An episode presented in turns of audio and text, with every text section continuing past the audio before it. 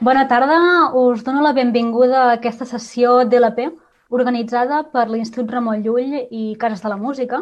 Jo em dic René Pera, sóc la lectora de català de la Universitat de Marburg i de Kiel, Alemanya, i avui tinc l'immens plaer d'entrevistar la Gemma Polo, cantant de Robestesa, amb qui comentarem l'últim EP del grup, Dolors, publicat el mes de febrer d'enguany.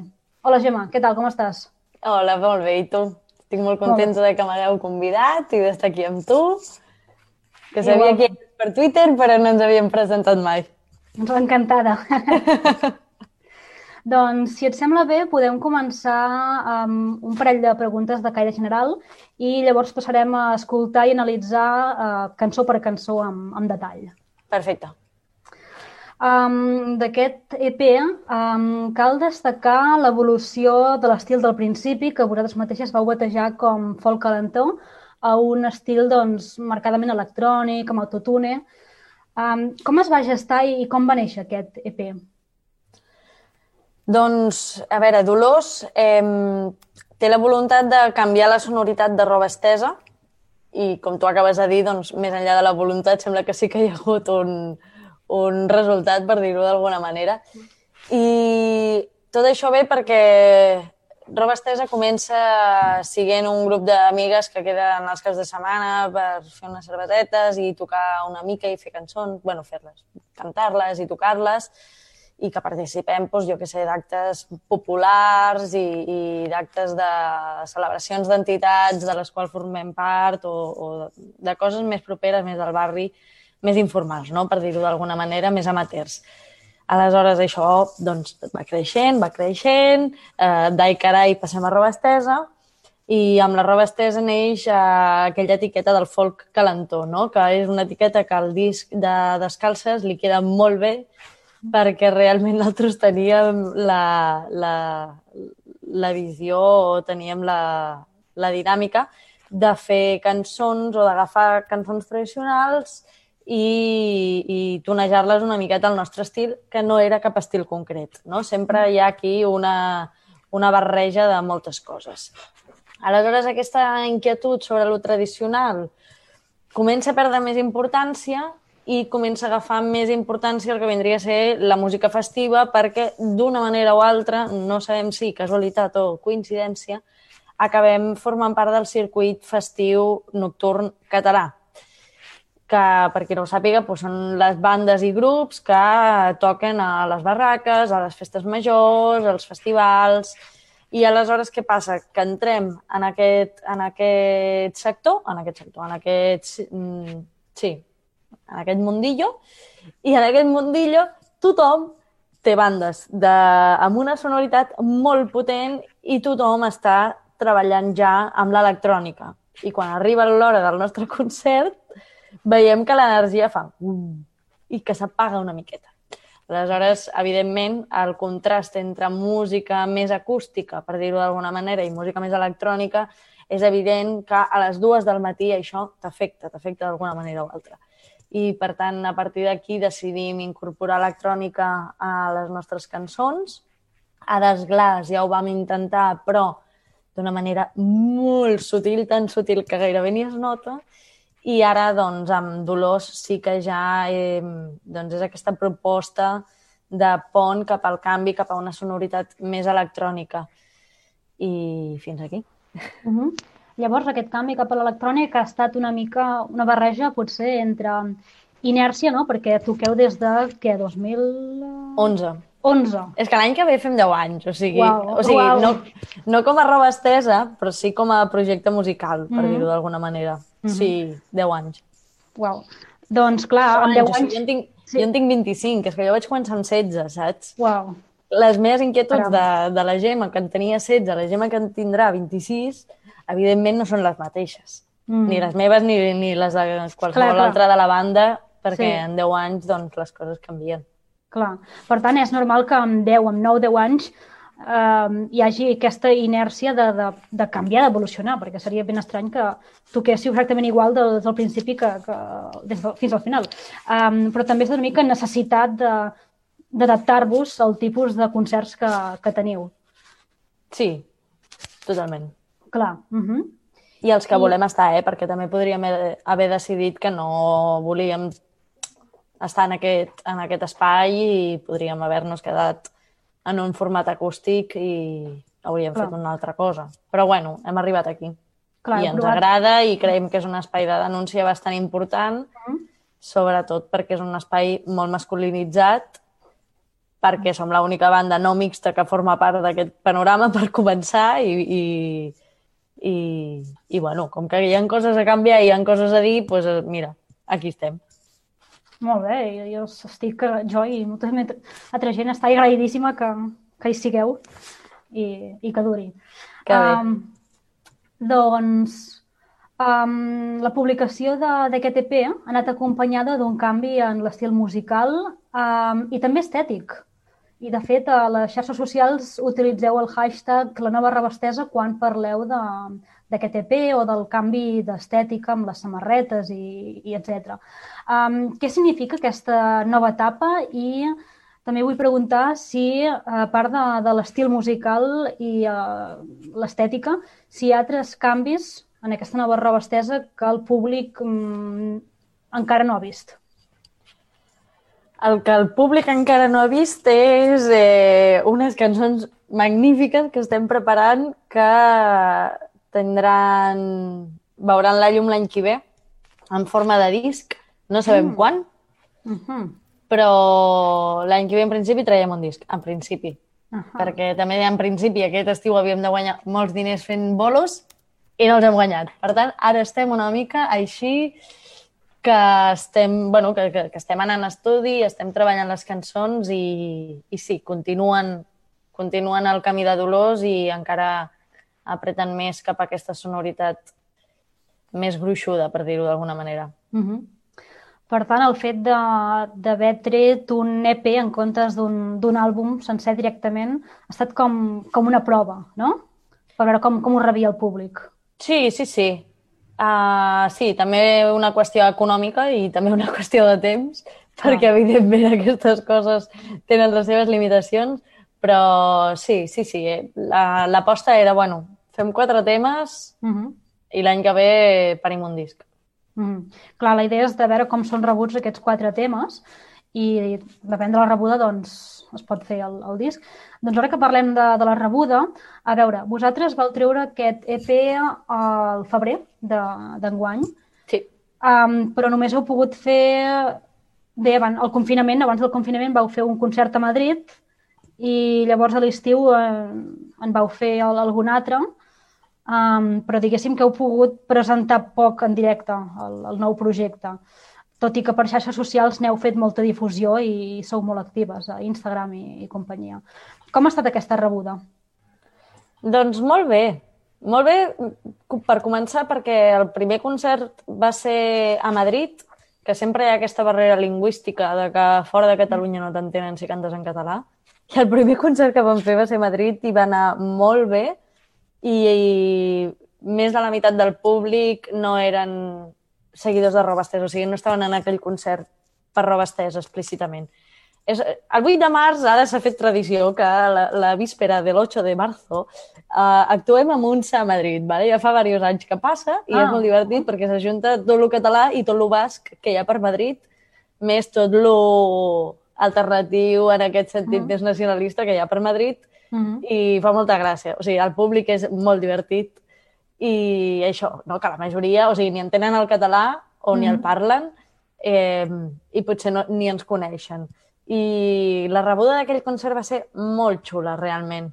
I uh -huh. mira que era el primer i que anem així apretades perquè hem de tocar bé i hem estat assajant i, eh. i tot. Aleshores, dins del que cap, va anar molt bé la, la rebuda presencial, no? per dir-ho d'alguna mm. manera, i després eh, per xarxes, doncs, sí, amb...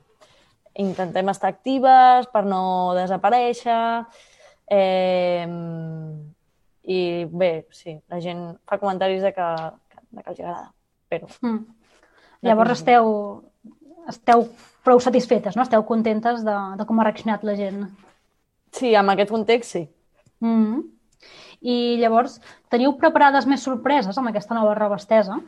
Que a causa de la pandèmia no heu pogut eh, mostrar, com per exemple, no sé, eh, hi havia l'estètica, eh, l'estil musical, mm, escenografia, potser. Vam comprar una pancarta de 5 metres per 4 metres, que són molts metres. Tinc una foto de l'Alera perquè amb la pancarta aquesta.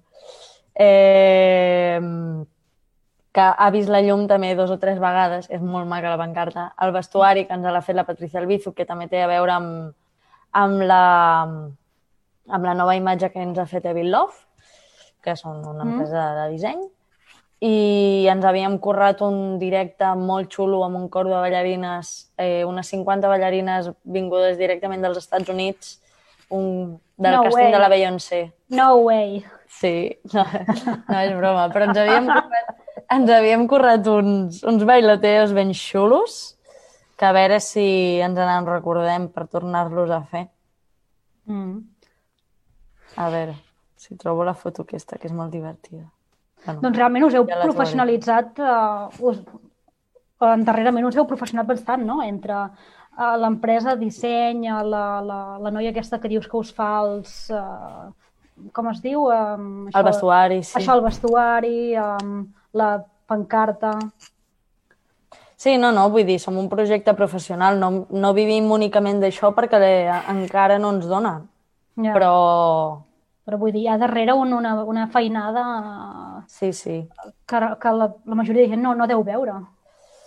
No, segurament no. Mm.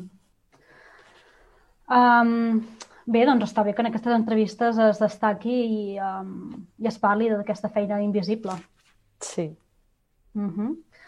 Doncs la propera pregunta és, té relació amb, amb les influències, amb els referents. Um, hem parlat doncs, que són, hi ha un estil nou i jo et volia preguntar um, amb quins referents us heu inspirat, musicals, evidentment, però no només. Um, hi ha qui també influències literàries o d'altres uh, corrents artístics um, que us han, um, us han influït a l'hora d'escriure de, de, les lletres, perquè um, si ens posem a analitzar els versos de les cançons, um, realment no, no, no s'entén tant. No s'entén res. No, és a dir, el tema principal sí, no? però si et poses a analitzar vers per vers o, o certes frases, um, no és tan senzill. Per tant, m'agradaria saber què, què hi ha darrere d'aquestes metàfores. Doncs mira, eh, a nivell musical, amb en Joan i en Ferran, que és eh, els nostres productors, per dir-ho d'alguna manera, de, de l'estudi del magatzem de Vic, el que ells fan per eh, entendre un procés creatiu és et demanen, eh, fes una llista, és com un exercici, fes una llista de Spotify eh, amb totes les cançons que tu se't vagin apareguent pel món eh, que tinguin a veure amb una cançó o amb l'EP sencer. Aleshores, eh, si tu ara tens una cançó, doncs jo que sé, que és molt divertida, doncs totes les cançons que tu vagis rebent que són divertides o que tenen coses divertides que a tu t'agraden i dius, ostres, això podria entrar en aquesta cançó, doncs la fiques a la llista de Spotify i vas fent pim, pim, pim, pim, pim. Aleshores, quan estàs a estudi i estàs allà bloquejada, que no pots més, ah, què faig? I és com, oh, en aquella llista, una vegada, un dia, vaig guardar una cançó perquè hi havia un so d'una transició que feia no sé què rítmic que potser ens ajuda a desbloquejar això. Aleshores, pues, vas construint a base d'això, de, de referències, bàsicament. Aleshores, si vols, te les obro, que les tinc per aquí a l'Spotify? Sí, sí, sí, i tant. I tant i Mira, tant. jo què sé, per exemple... Ah, això és molt divertit. Eh, ja, això és una... Tinc una llista que es diu Comi EP, perquè era la comissió que ah. treballava amb les cançons com més a fondo. Sí, que tinc entès que teniu com mil comissions, no, el grup? Mil, mil, mil i una, mil i una. per exemple... Ai, ai, ai, que estic canviant això. Um, a la gent, doncs a la gent hi ha Mumford Sounds, Girl in Red, Coetus, L. King, Deluxe, Edward Shape, Vance Joy, George Ezra, no sé ni en, no sé com es diuen, eh? Vull dir que hi ha, hi, ha, hi ha autors que fins i tot no sé qui són. però com que la cançó m'agrada, doncs Però el poso aquí. A Cendres, a Cendres hi ha Deluxe, eh, Leg, Billie Eilish, Girl in Red un altre cop, Mia, Hoshi, que és una francesa molt divertida. A Ocells tenim eh, Deluxe un altre cop, Vampire Weekend, Stromae, La Rosalia, Mia, Coetus un altre cop, perquè hi havia aquesta cosa de a veure si podíem rescatar alguna de lo tradicional. Eh, Leg, Team Dab, The Rocket Empire, Bukahara, The Cat Empire un altre cop, Jane... Qui més hi ha per aquí? Bueno, no sé. Llavors, Eh, artistes són molt diversos. referències, però alhora... Vull dir, a vegades no està la referència de l'artista, sinó la referència d'aquella cançó. Que potser hi havia alguna que t'agradava i vas ficar la cançó allà. Mhm, mhm. I mm, tornant al, a la pregunta de uh, influències uh, d'altres corrents artístics, um, abans, xerrant, abans de començar la sessió, m'has comentat un exercici d'obrir un llibre, no sé, no sé què m'has comentat. Sí. Era molt interessant, no era? Que a vegades quan, no, quan estem gravant o estem fent en plan... O sigui, les cançons les, les produïm... Nosaltres produïm les cançons primer de tot. I quan la cançó ja té una forma, li passem al Joan i al Ferran i aleshores ells fiquen sons guapos i, i, i, i, i acaben de, de, de donar-li forma sonora, no? Perquè les nostres limitacions amb, amb els programes de, de, de composició, doncs, bueno, estem, estem en ello, surten coses xules, però bueno, és més que res com per tindre esbossos eh, sonors de per on vols que camini una cançó, no? I aleshores, doncs, típic, que has fet una estrofa, una tornada, està tot superguai, però per la següent estrofa eh, no tens ni idea de text, ni de melodia, ni de res, i, i en aquest bloqueig pues, agafes un llibre, l'obres per qualsevol pàgina i dius, mm, vale, això. I cantes el que et surti llegint aquelles paraules. I a partir d'allà, evidentment, allò no és el que s'ha de quedar, o sigui, l'objectiu no és que es quedi aquella cosa que acabes de fer, que no té cap mena de sentit, sinó que allò et dongui algú sobre el que poder treballar, que ja no sigui la nada. Aleshores, bé, més que referències eh, bibliogràfiques, mm, és a dir, no agafem llibres concrets, el que passa que els nostres llibres són bastant concrets. Aleshores, clar, això és com, jeje, un arma de doble filo, vull dir que la meva bli- biblioteca és bastant... Bueno, jo què sé. Sí, que tenim llibres bastant similars. Mhm. Aleshores, sí, en realitat te'n fot. Quan més abstractes i més eh, en plan poemaris siguin els llibres, millor. Jo, de fet, Mhm. últimament m'estic comprant poemaris, però no per llegir-me'ls així de ah, el poemari, sinó per obrir-los i, i trobar tres paraules i a veure què els hi passa a aquelles O paraules. sigui, com més infumables, millor. Sí, però que no siguin, que no siguin de, de xapa, eh? que siguin en plan... Uau, un exercici molt, molt curiós. Um, I ens sabries... Um, ens podries esmentar mm, potser algun uh, autor, autor, autora en concret que t'hagi, us hagi servit uh, concretament, especialment per... per...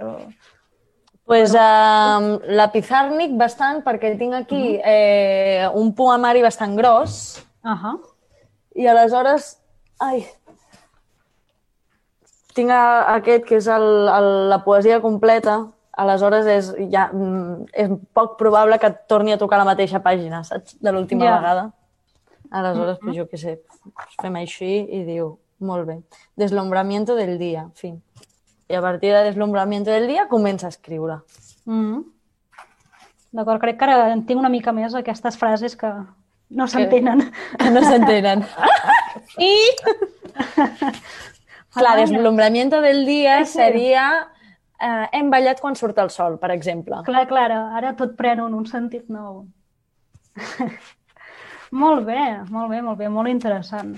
Doncs bé, si et sembla, ara podem escoltar la primera cançó Vale? um, i, i la podem comentar així amb, amb més detall, no? Vale.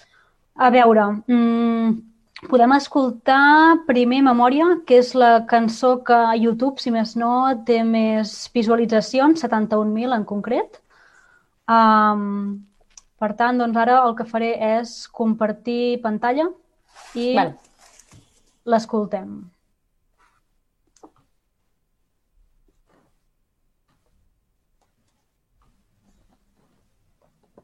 Memòria hem dit, sí? Sí.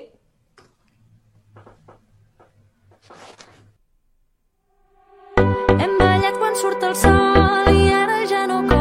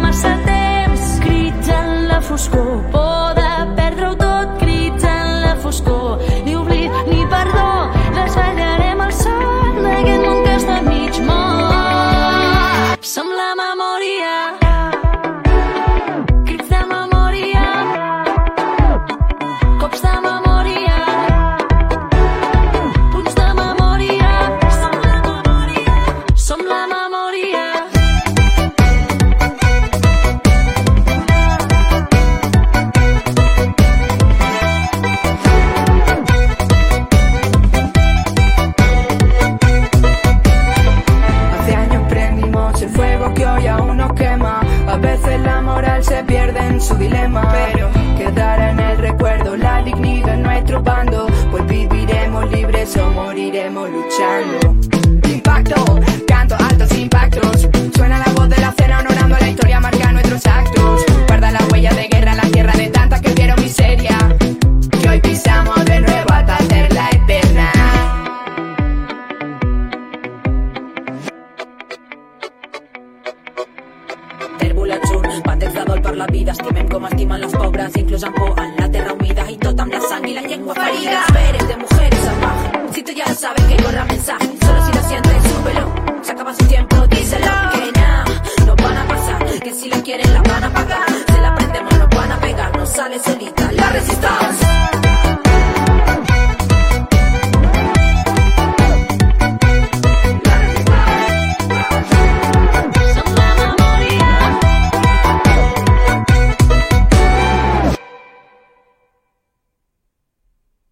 Fantàstica. Em costava... Um, M'ha costat uh, quedar-me quieta a la cadira a mi també. i no ballar. I no ballar. Um, doncs això, ara tinc molta curiositat per saber què són aquests, aquests versos. O sigui, ara que has parlat de la Pizarnik, doncs mm, crec que entenc una mica més uh, aquests versos uh, que, que no s'entenen del tot. Que no s'entenen del tot. Però, però explica-m'ho, perquè um, jo, per exemple, tinc, tinc una alumna alemanya que ha traduït uh, les vostres cançons de l'EP i a vegades em preguntava, per exemple, em va preguntar, no és d'aquesta cançó, però em va preguntar què significa el Raval de la nit. I jo, "Mm, no t'ho sé explicar. No? Vaig dir, és molt poètic, és poètic. Uh, així que... Així com a resposta. Així, així que exigeixo explicacions. A veure, hi ha alguna en la nostra manera d'escriure les cançons que té més a veure en generar imatges que en descriure paisatges. Perquè creiem que descrivint paisatges o, o històries molt narratives, molt, molt de principi de final, amb molts detalls, amb tot molt concret, eh, està bé, està bé, però molt poca gent pot identificar-se plenament amb aquella narrativa o amb aquella història que s'acaba d'explicar o amb aquells personatges o amb el que sigui que li passi la història. Perquè eh, bueno, doncs la majoria de persones no ens passa el que passa a les cançons, bàsicament. eh, i perquè qui escriu sempre és una persona que està en un lloc una mica bueno, privile- privilegiat o de poder. Aleshores, eh, plantejàvem la manera de que tothom pogués sentir-se identificada amb les nostres cançons.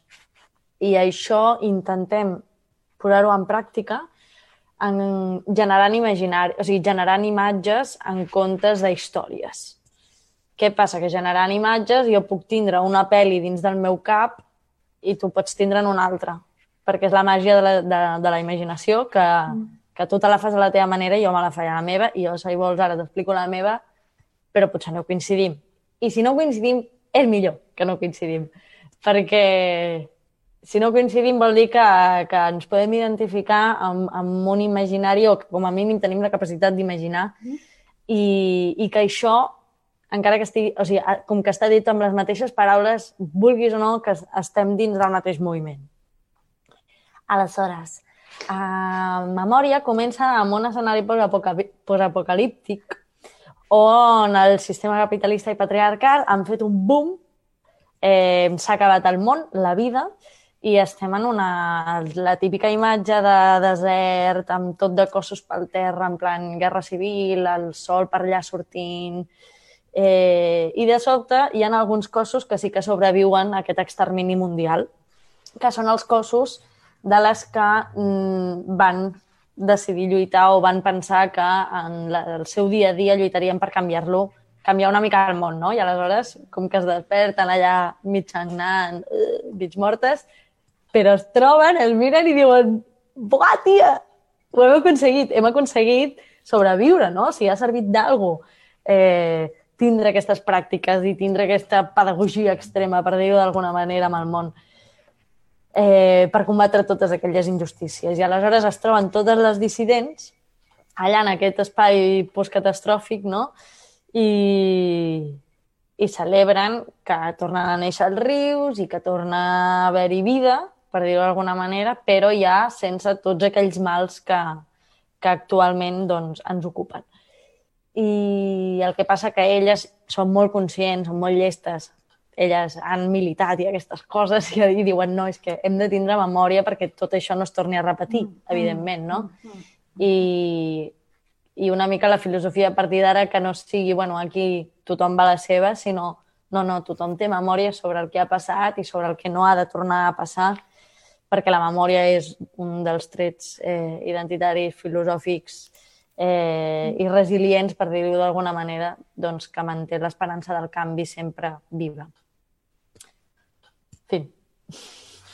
He d'admetre que em deixes de pasta de moniato perquè mm, no, no hi comptava amb aquesta explicació. Um, Vaja. però em sembla meravellosa. Um, vull dir, jo ja m'havia imaginat el tema de destrucció de l'heteronormativitat, patriarcat i tal, però un escenari uh, post-apocalíptic uh, m'ha agafat una mica per sorpresa. Bueno, no passa res, no passa res. Sort que no fem videoclips, perquè si haguéssim fer videoclips ens costarien un ull de la cara. Doncs I- sí. I limitaríem bastant, també. No, no, molt bé, molt bé. Um, doncs um, passem a escoltar la següent cançó amb més Una- visualització. Ah, sí? Una cosa, Ah, i digues. una cosa interessant d'aquesta cançó és Sí. que uh, el tros de Tribade, Ah. elles el van escriure uh, quan aquí hi havia totes les mogudes d'Urquinaona, vale? i de la Mhm. sentència i tot això. Mhm. I, i me'n recordo que estàvem a l'estudi i que la Massiva li diu a la, a la Vita tia, si la prendemos la van a pegar, en plan...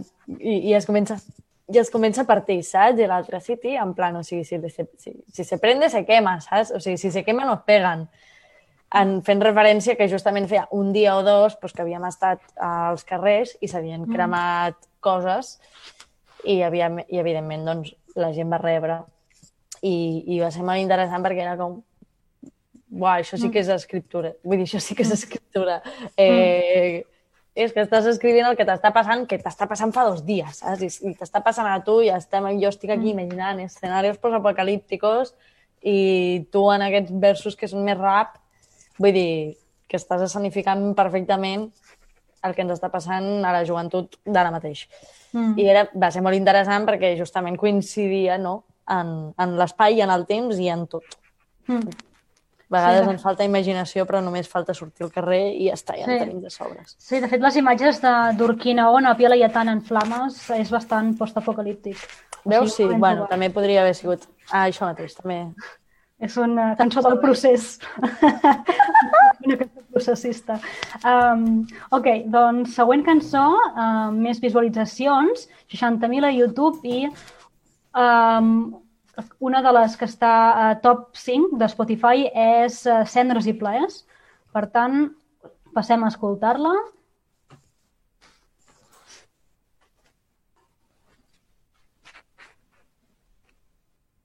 Dolors, tu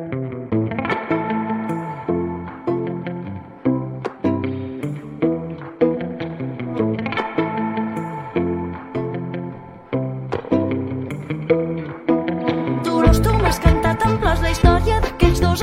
Tu m'has llançat la por, deixat la sort. Dolors, digue'm si el món és fos, si es maten nins, si es cremen cors. Jo només veig i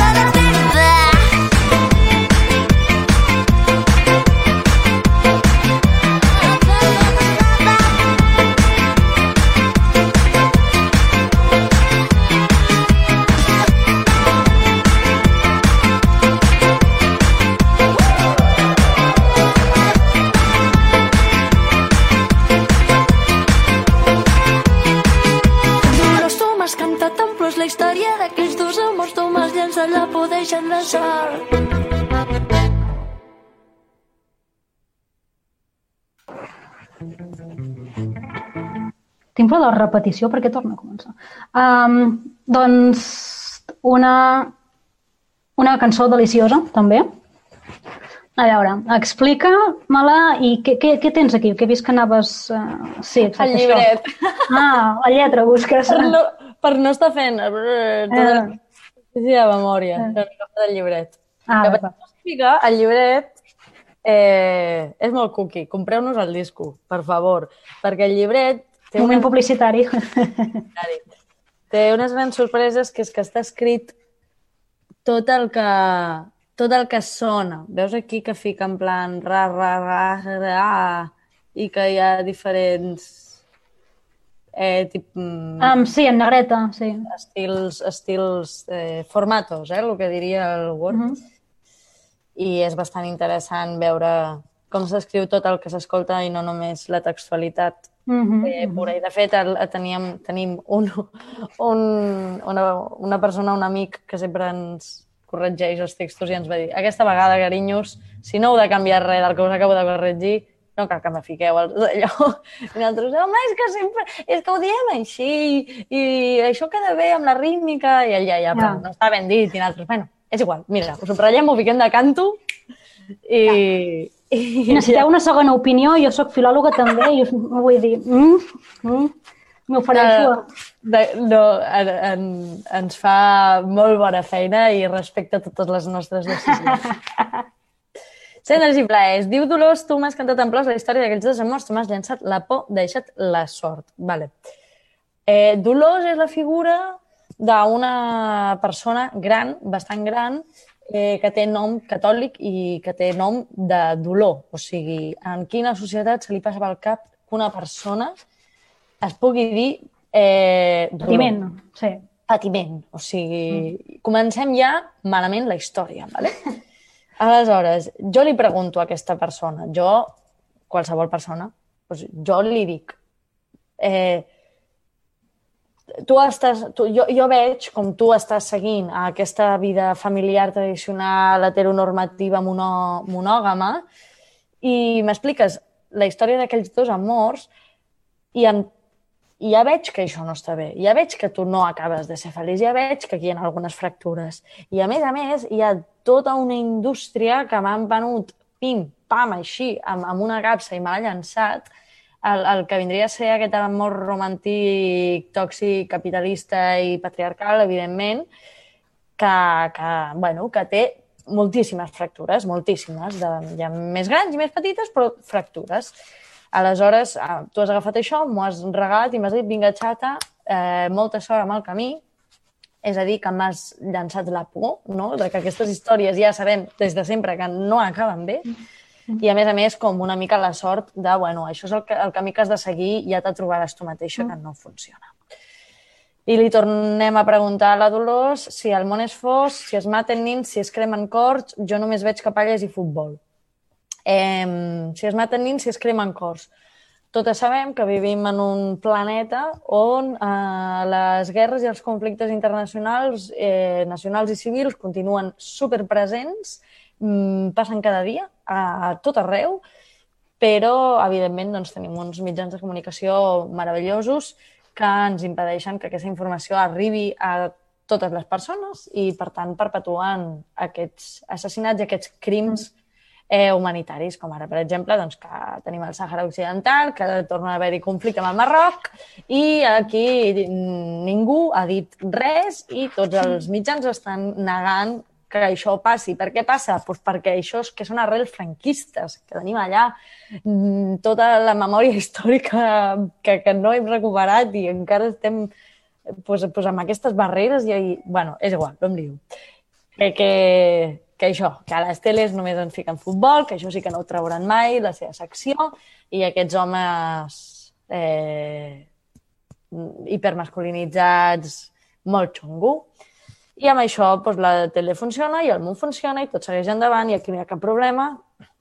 Però bueno, hi ha gent que som una mica re resistents a això i per tant cridem al vent, cridem al vent i nosaltres convidem a deixar anar totes aquestes pressions que portem a l'esquena i al pit, però en comptes de que això ens generi una incapacitat d'acció, doncs que les fem servir per, per transformar les coses.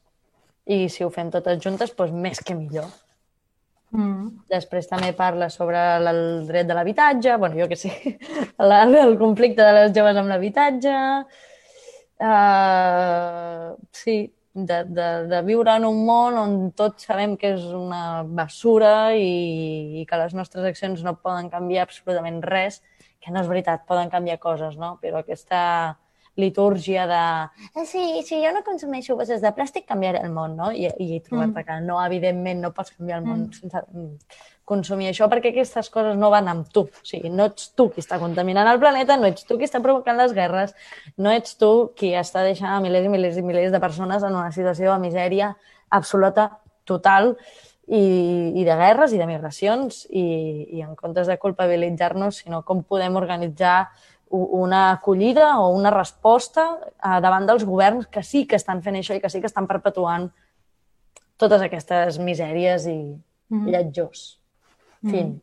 Total, que la Dolors, muy mal. Però la Dolors té ganes de canviar les coses també, encara que sigui gran. Mm. I llavors Cendres, el nom de, de la cançó Cendres seria de cremar-ho tot? Bueno, sincerament, no, la cançó es deia Dolors, però com que Dolors també es deu al disc, vam dir que li havíem de ficar un altre nom i Cendres i, ai, Cendres i Plaers pues era una metonímia, es diu, ara m'he inventat aquí, però bueno, té la patilla. Eh, bueno, això, que fiques dues paraules que són bastant contradictòries juntes. Mm. I a part ens fa risa perquè la Sandra diu Sandres i plaers i aleshores riem totes una estona. D'acord.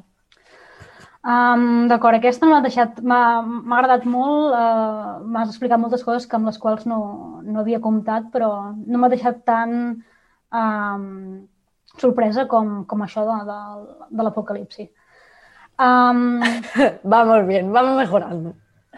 vinga, ara passem a la cançó La gent que, que té 34.000 visualitzacions a YouTube.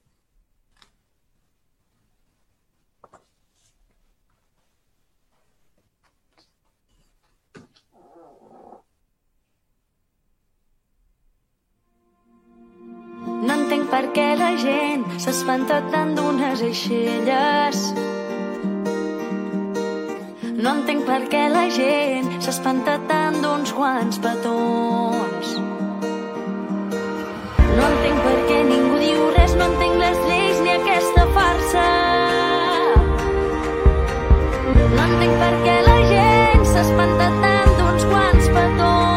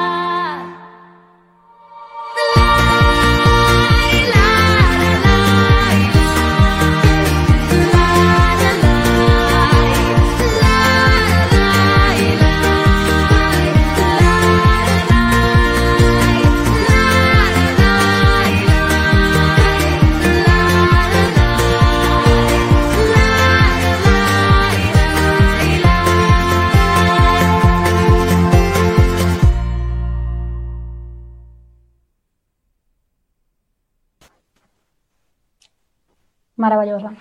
Està bé. A veure, què ens n'expliques d'aquesta cançó? Uh, a veure... Mm, doncs és una cançó que es va començar a escriure amb, amb llàgrimes, vull dir, realment uh, estava molt trista. La vas escriure tu, aquesta cançó.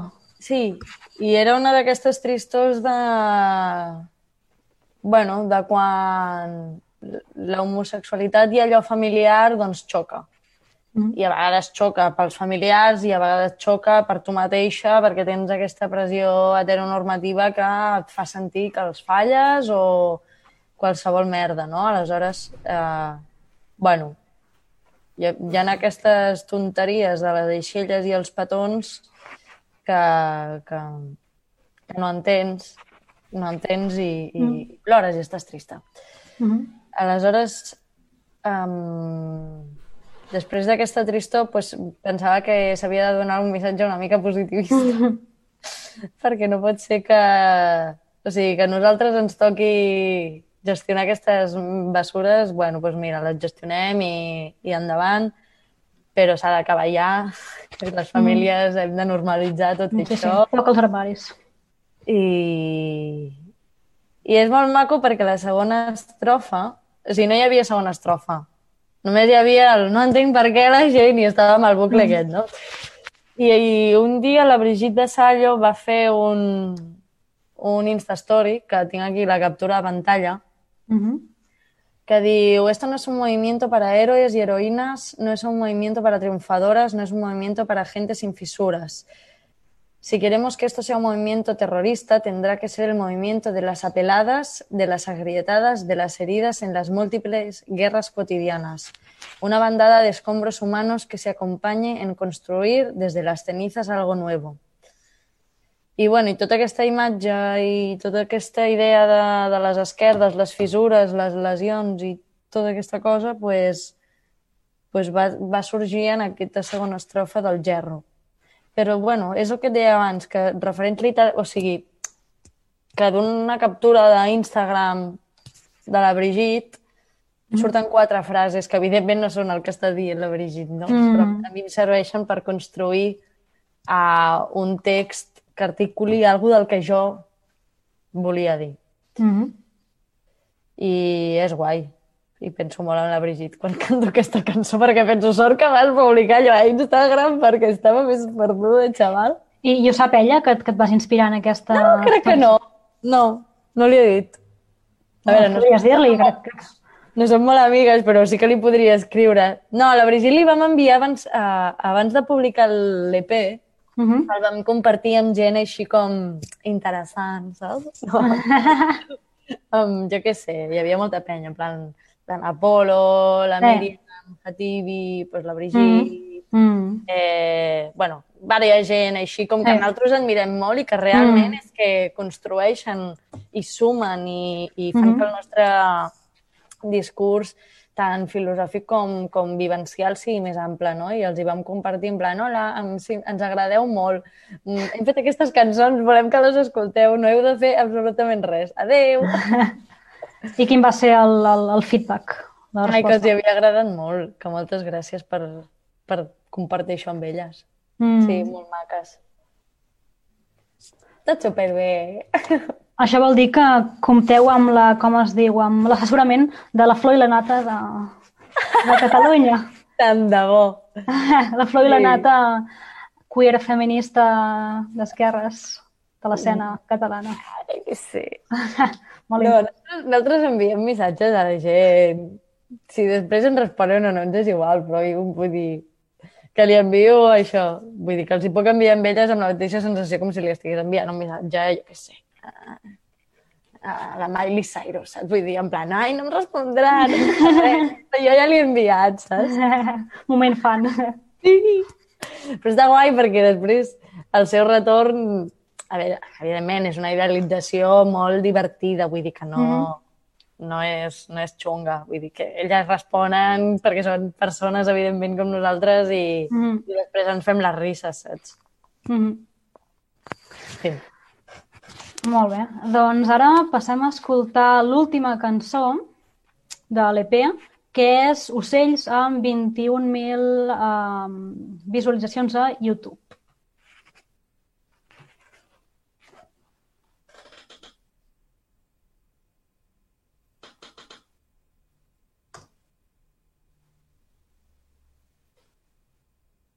I